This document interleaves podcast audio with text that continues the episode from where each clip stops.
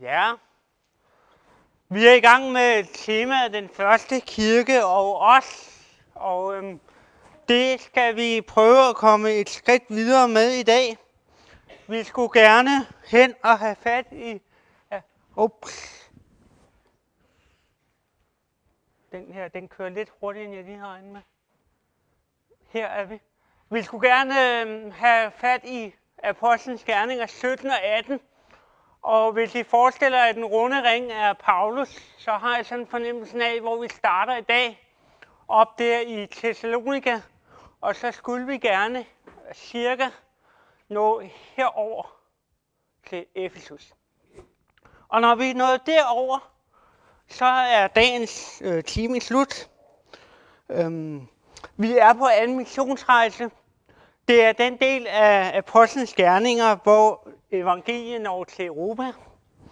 Og det vi skal prøve at se på i dag, det er to ting, som jeg har valgt ud fra de her kapitler.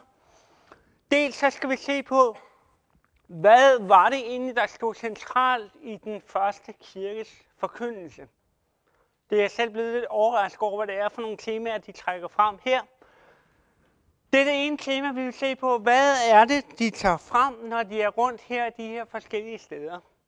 Og det andet, vi skal se på som et tema, det er, hvordan reagerer folk, når nu de kommer rundt med det her budskab. Der er nemlig sådan meget klare mønstre for, hvordan folk reagerer. Hvad forkynder de, og hvordan reagerer folk på det her budskab? Men altså, som I kan se, så starter de op i vores tekst i Thessalonia. Og når de kommer derop, så forkynder de først for jøderne, og så for grækerne, der tager imod. Det er ret entydigt, at når Paulus rejser rundt, så har han først og fremmest jøderne i sigtegrundet. Det er dem, han går ind og prædiker for, hvis I prøver at se ned i kapitel 17, vers 1.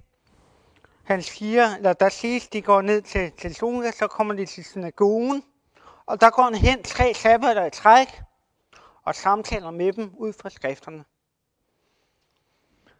Da de så vender sig bort, der begynder han så at prædike for øh, hedningerne. Og grund til, hvis I læser Apostlenes Gerning igennem, så kan I se det her mønster hele vejen. Først går han til jøderne, og så går han til øh, hedningerne, og det er der en, en fidus i. I Romerbrevet, der siger Paulus, at evangeliet er Guds kraft for enhver, som tror.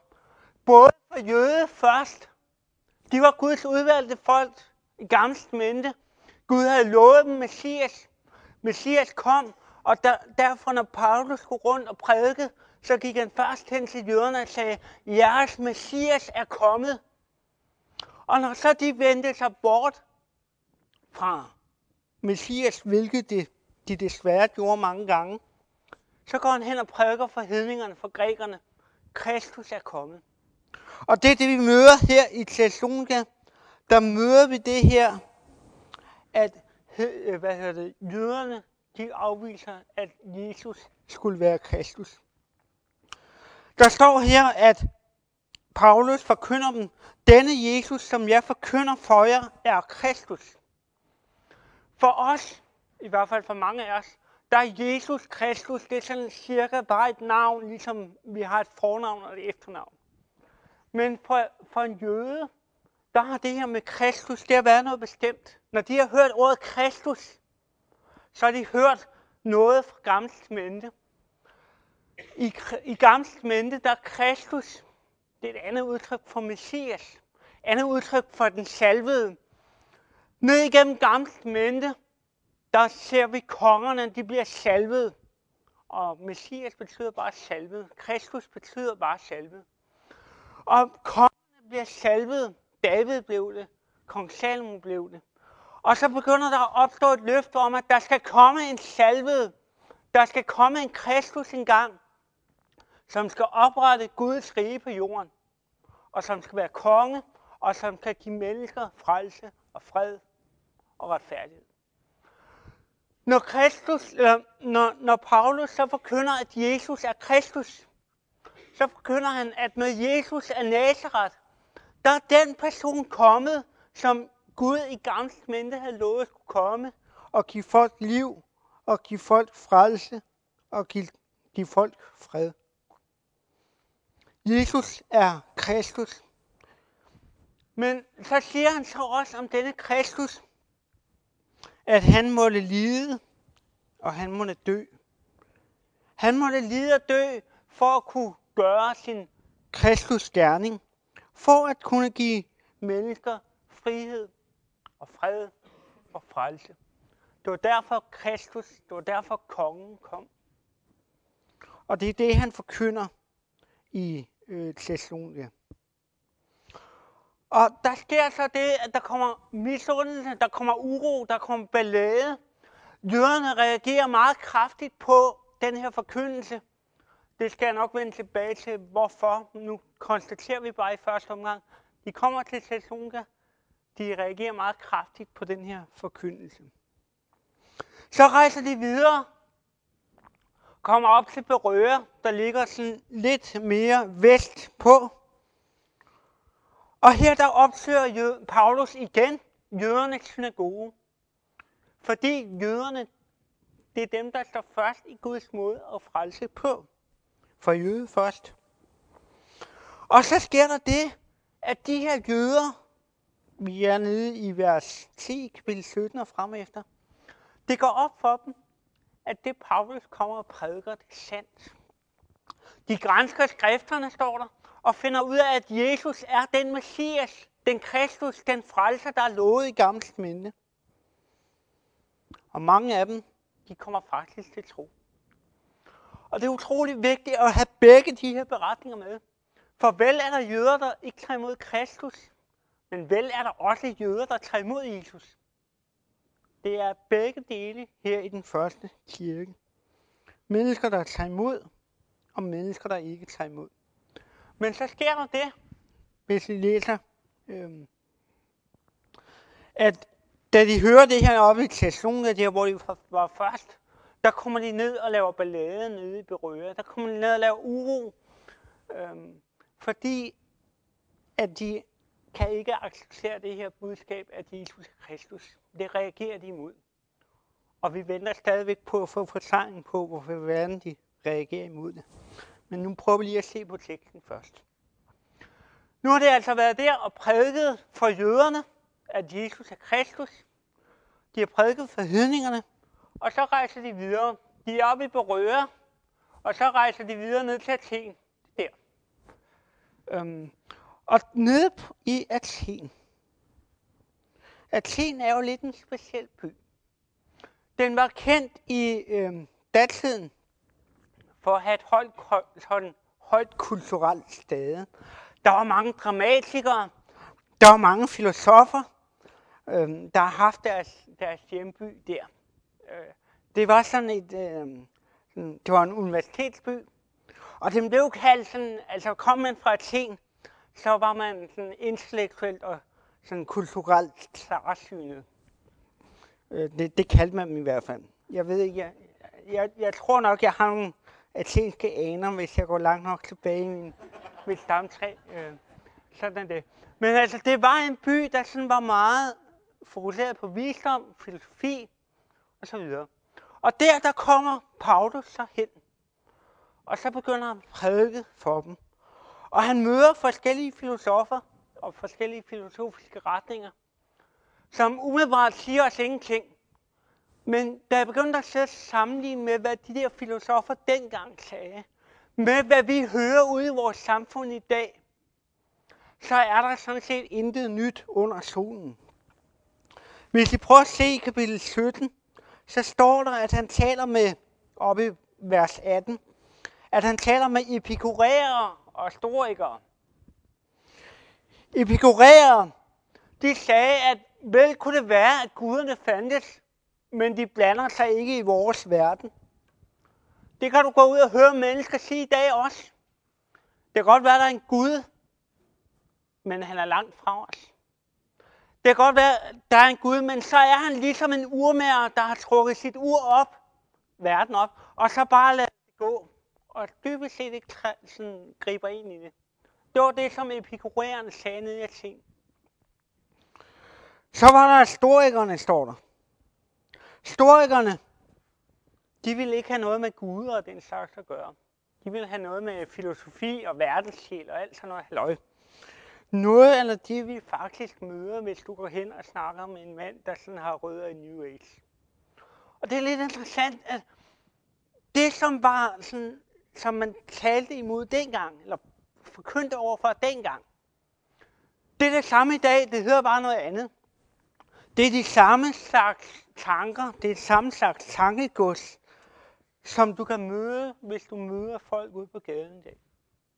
Og derfor er det faktisk rimelig relevant at prøve at se på, hvad er det så Paulus han forkynder, da han kommer op der i Athen. Og der har vi den her meget berømte tale, som man holder talen på i Obergos.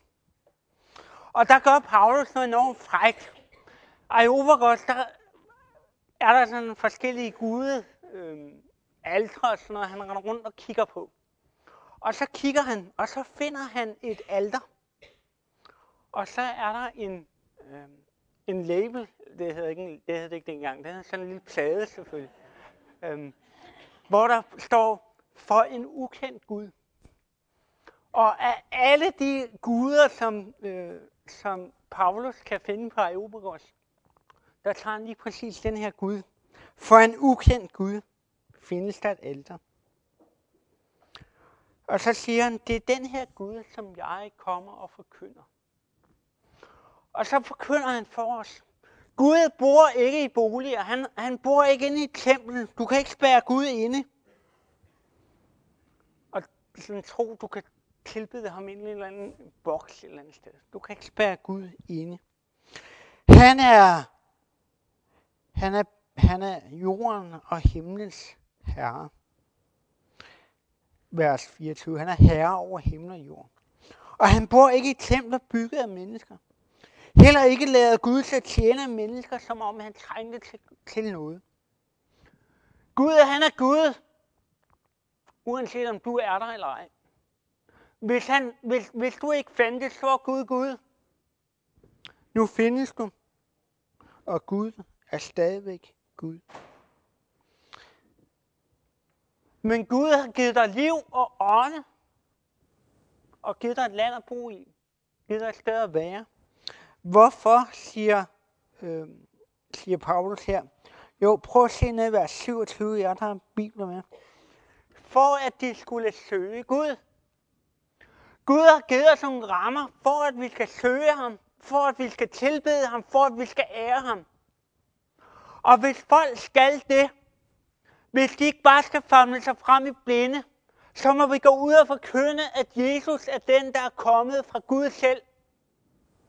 Og i Jesus, der ser vi, hvem Gud er. Det må vi prædike for os selv, og det må vi prædike for andre. Og se, så er det lidt interessant, for hvad er det så Paulus bruger som argument her? Jo, prøv at se ned i vers 31 der taler han om, at Kristus skal komme og holde dom.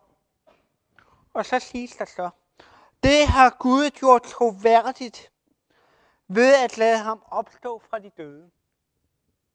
Det har Gud gjort troværdigt ved at lade ham opstå fra de døde. Når man læser Apostlenes gerne igennem, og når man også læser brevene igennem, øh, Paulus' og Peters og alle de andre breve, så har det slået mig, opstandelsen fylder faktisk temmelig meget i de første kristnes argumentation. Når de skulle, øh, præ, når de skulle prædike, når de skulle forkynde, at mennesker skulle tage imod Jesus, så havde de et afgørende argument over dem alle. Jesus er opstået fra de døde, og dermed har Gud bevist, eller vist, at han er Herre Gud. Og enten så må du tage imod ham, eller også så må du gå ned og finde hans lig i Jerusalem og bevise, at han ikke er opstået. Enten må du tage imod ham, den levende og opstandende herre, eller også så må du bevise, at han er død. Så klart har det stået hos de første kristne. Kristus, Jesus af Nazareth, er herre over himmel og jord og det er dokumenteret ganske enkelt ved en opstod. Det har Gud gjort troværdigt ved at lade ham opstå fra de døde. Og næste gang I læser Nyt Mente igennem, sådan søndag eftermiddag, så prøv at bemærke, øh, hvor meget, hvor central opstandelsen egentlig står. Vi taler nogle gange om den øh, påske søndag. Men der kan vi ikke helt komme udenom den, vel? Øhm, men hvis I lægger mærke til det, så Jesu opstandelse står faktisk meget, meget centralt i Nytestamentet. Enten må du bevise, at han ikke er opstået, eller også så må du tage imod ham som herre, frelser og dommer. Det er de to muligheder, der er for mennesket. Enten eller. Nå. Øh, vi prøver lige at køre den anden vej. Han er i Korinth. Nej, tror Eller, han er i Athen. Og den skal den anden vej. Han er i Athen, og så kører han så over til Korinth. Det er sådan, det er. Ja. Øhm, så kan I følge med. I Korinth, der møder vi præcis det samme, som vi møder i alle de andre steder, hvor Paulus er. Nemlig, at han prædiker for jøderne først. Og nu skal vi altså få ud af, hvad i alverden er det, der gør, at jøderne ikke vil tage imod Kristus. Og nu har vi set det hele vejen igennem, uden at finde ud af, hvorfor. Og nu må vi altså have en forklaring. Der står, at han prædiker, at Jesus er Kristus, så tager jøderne ikke imod. Og så øh, prøver de faktisk at hindre Paulus i det, han gør. Præcis det samme mønster, som vi har haft hele vejen igennem. Nu skal vi altså prøve at forstå, hvad der sker op i ydernes hoved. For at forstå det, skal I forestille jer nu, at jeg inviterer jer hjem på middag en dag. Øh, jeg kommer til at invitere jer alle sammen på middag, og så kommer vi til at snakke om, hvad det er, vi skal have at spise. Og så fortæller jeg jer, at til efterret, der skal I have en lækker bagt is. En lækker bagt is. Og så, så tager der til hovedet og siger, at bagt is er han blevet fuldstændig bindegal. Man kan ikke have bagt is. Enten så er is koldt, og så er det netop is. Eller så er is varmt, og så er, det, så har det ikke noget med is at gøre. Du kan ikke både have bagt og is. De to ord kan du ikke sætte sammen. Prøv at tænke dig om, mand. Præcis sådan havde jøderne det med det, der blev prædiket om Kristus. Kristne forkyndte, at Jesus var Messias. Og denne Messias havde Gud lavet korsfæste. Ordene korsfæste og Messias, de to ord, det er ligesom at sige bagt is. Man kan ikke have Messias og korsfæstet. Altså, enten er du Messias, og så er du Guds søn, og så er du med magt og vælge. Eller også så er du korsfæstet. Og så det sidste, du er i denne verden, det er at være Guds søn. Øh, I Gamle Mente, der står der sådan her, at den, der er hængt på et træ, er en Guds forbandelse. Og nu skal I prøve at se, hvad det er, at Paulus han kommer og prædiker til jøderne. Han kommer og prædiker. Den Jesus af Nazareth, som blev henrettet for, for at sige, at han er Guds søn, og som blev hængt på et træ, og som I, hvis I læser Gamles mente, kan se, må være under Guds forbandelse. Præcis denne person, ingen anden, er jeres Messias. Den mand, der blev henrettet for at være kriminel, for at være en Guds bespotter, lige præcis ham og ingen anden er Messias. Og se, det var noget af kernen i det, som jøderne reagerede så kraftigt imod. At deres Messias konge, deres Gud, skulle dø som en forbryder. Det var noget af det, der gjorde, at, øhm, at de reagerede så voldsomt. Og de havde simpelthen ikke op i deres hoveder, i deres tro, der havde de ikke en kasse, der hed, at man kan være messias og korsfæstet samtidig. Deres tradition, deres tænkning havde gjort, at de var simpelthen blinde for, hvem Jesus var. Da jeg sad og tænkte, læste den her tekst igennem, og sad og arbejdede med det her, der kom jeg til at tænke på, kan vi komme til i vores måde at tænke på, og bure Jesus inde i nogle bestemte forestillinger om, hvordan han skal være. Altså, vi er med på, at Jesus er Messias, selvom han er korsfæstet. Altså, det er ligesom, det er ligesom hele pointen. Det er vi med på. Men jøderne havde en... Det, det der skete for jøderne, var, at de begrænsede deres billede af, hvem Guds Messias var. Og lige så snart han var anderledes, end de forestillede sig, så øh, kunne de ikke have med ham at gøre. Og der må vi spørge os, hvordan er vores billede af Jesus? Har vi fået et billede af Jesus, som er på en ganske bestemt måde? Han siger nogle bestemte ting. Han støder os ikke. Eller øh, han gør altid, hvad vi beder ham om. Eller øh, har vi nogle bestemte billeder af, hvem, hvem Jesus er, som hvis vi læser nyt igennem, faktisk viser sig at være lidt problematisk. Og som vi har sådan som filter og filtrere noget af det ud. Dermed så mener jeg faktisk, den, den her fare her, som jøderne mødte, hvor de afviste Jesus, fordi de ikke havde, de kunne ikke rumme den tanke, at Jesus, Messias, skulle dø. De, de afviste ham på grund af det billede af Jesus, de havde inde i deres hoved. Så spørgsmålet, kan det samme ske for dig og for mig? At det billede, som vi har i Jesus, det nogle gange faktisk ikke svarer overens med det, der står i Testamentet. Og at vi nogle gange må lade os provokere til at ændre det billede af Messias, vi har. Vi har et billede af Jesus, der, øhm, der for eksempel har omsorg for os. Der hjælper os. Der vil frelse os. Men hvad med den Messias, der tager en pisk, laver en pisk og går ind i, i jødernes øh, allerhelligste, nemlig templet, og jager alle dem ud, der ikke hører til derinde. Er det også en del af vores billede af Jesus? Kan vi runde det? Kan vi have alle sider af Jesus, sådan som han virkelig er i Nyt Testament?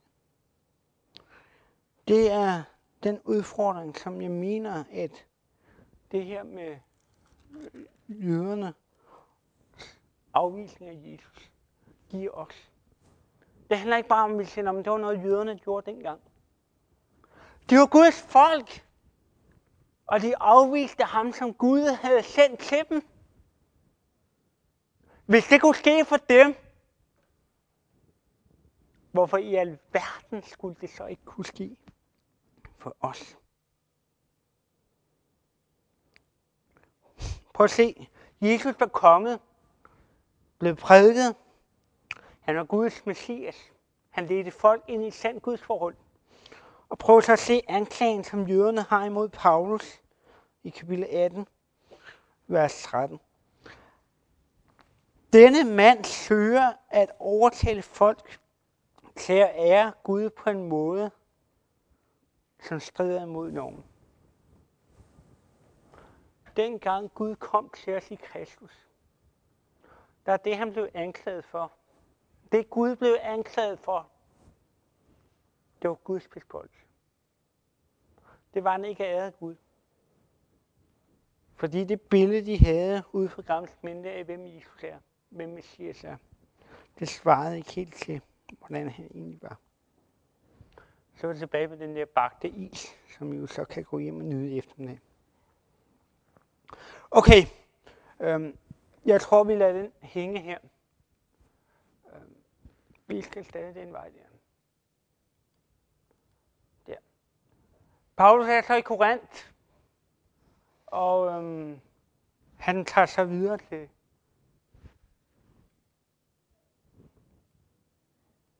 Hvad sker der her? Øh, hjælp. Åh, nu skal jeg se, nu kommer den. Der. Yes. Han ender over i Efesus. Og der, der, øhm, der kommer vi til ende i dag. I Efesus, der er der en mand, som hedder øh, Apollos. Og som har ordet i sin magt, står der. Og som er stærk i skrifterne.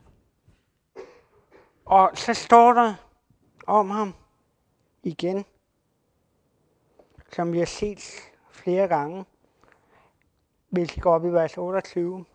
Han påviste ud fra skrifterne, at Jesus er Kristus. Jesus er den, der kommer og opfylder gammeltmændets løfter om Messias. Igen står det centralt i deres forkyndelse. Jesus, han er Kristus. Han er den lovede Messias. Ham her, Potter, han har ikke forstået det hele. Der er noget med noget dåb, og der er nogle andre ting, som han ikke lige helt kan, kan finde ud af, hvordan det skal foregå. Men det betyder altså ikke, at de siger, nu kan du ikke være med længere, kammerat, fordi du har ikke fattet hele troslæren, så der må vi hellere, øh, der må vi hellere sætte sig med en blomst eller sådan et eller andet. Hvad man nu gjorde den gang. Nej. Så i stedet for, så siger du er en god mand, nu tager vi dig, nu oplærer vi dig til at gøre det rigtige.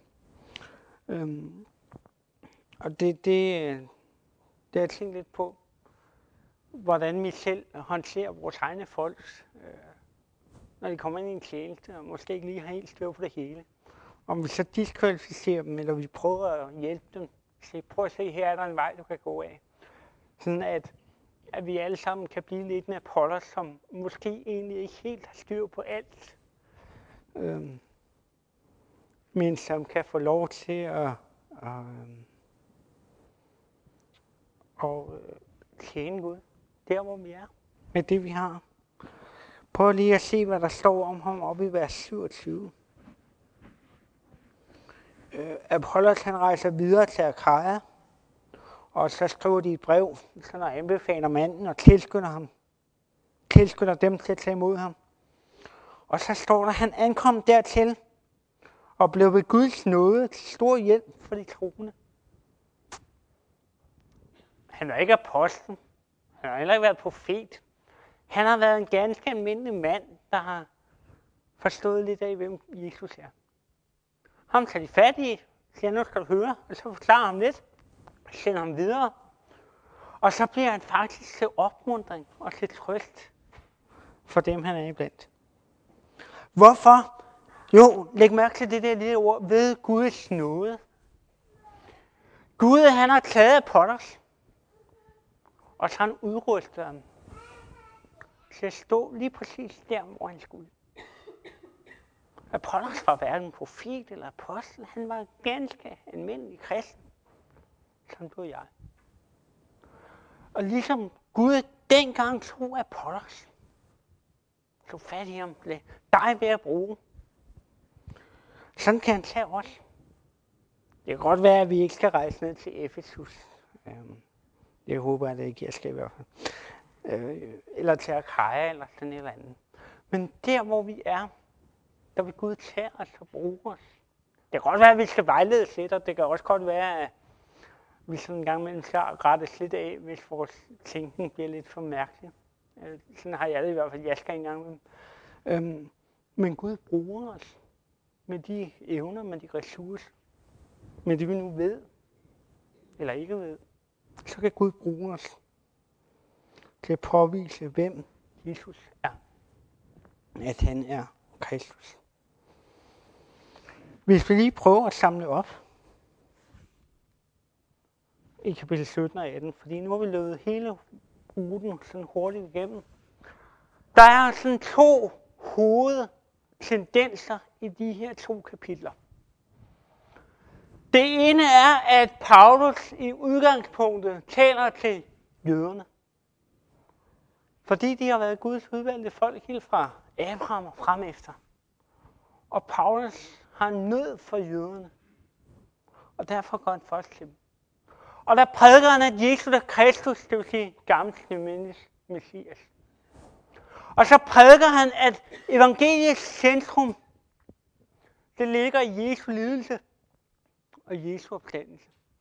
Der, der sikrer han frelser til menneskeheden ved at lide og opstå. Opstandelsen er beviset. Enten så skal de gå ned og finde Jesu knogler nede i en grav i Jerusalem, eller også så skal de omvende sig. Det er simpelthen beviset. Find jordiske rester, eller omvendt Det er sådan den, den ene sådan, tråd, der løber igennem de her to kapitler. Den anden tråd, det er den der, at efter den der lidt mindre vellykket, og når jeg siger mindre vellykket, så er det fordi, den lykkes jo faktisk nogle steder. Det er ikke bare øh, total afvisning fra jødens side, men den er mindre vellykket nogle steder.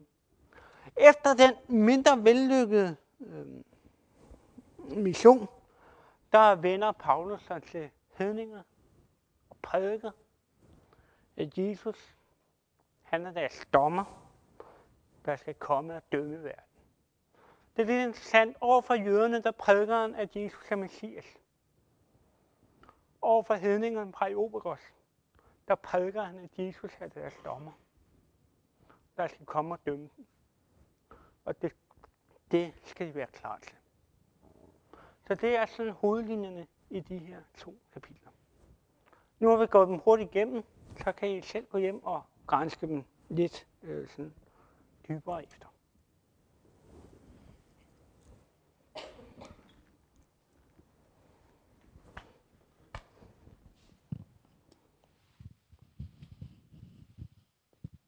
Tak skal du have, Christian. Det var jo forbilledeligt undervisning og forbindelig sluttidspunkt. For det betyder jo, at øh, nu har vi faktisk rigtig god tid til øh, enten måske at stille nogle spørgsmål til Christian, hvis der er noget, I lige sådan kunne trænge til, at han uddybede lidt. Eller også til at fortælle om en eller anden oplevelse eller nogle tanker, øh, som I har gjort det sådan i ugens løb. Eller hvis Gud har mindet jer om noget her, øh, hvor vi har været samlet nu her, så er det tid til at, at, at, at sige det. Og øh, være ganske frimodig, sådan så at øh, I ikke sidder der og brænder ind med det og tænker, at det her, jeg har, det er ikke noget, osv. Vi har brug for at, at opmuntre og formane hinanden og, og lytte til, hvad Gud han har at sige øh, til os, også på den måde. Så jeg tror lige, vi beder en bøn, og så bag derefter så er, er ordet helt frit. Gud, vi takker dig for det, vi har fået lov til at høre nu. Takker dig for, at evangeliet blev spredt fra den første kirke, og også noget os her. Beder dig sådan om, at vi ikke må begrænse dig, begrænse Jesus til sådan, som vi gerne vil have, at, at øh, han skal være, men at vi må holde vores, vores øjne og ører åbne, så vi bare tager imod dig, og du kan få lov til at lede os og føre os og bruge os her i det her liv. Gud, nu beder jeg også om, at du vil velsigne de sidste minutter her af første halvleg, at vi må blive opmuntret, og at vi må høre, hvad du vil sige til os. Amen.